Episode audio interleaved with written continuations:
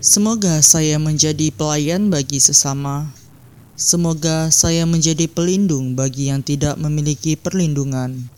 Semoga saya menjadi sebuah pelita bagi yang berada di dalam kegelapan. Semoga saya menjadi penunjuk bagi yang tersesat.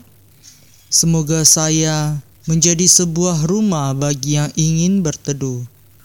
Semoga saya menjadi sepotong roti bagi yang lapar.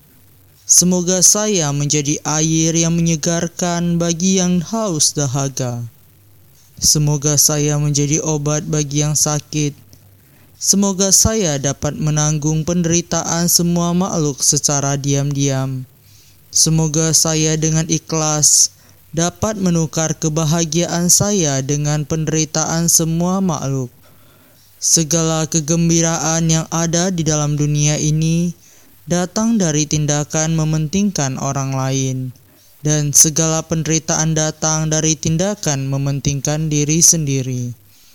Oleh Santi Deva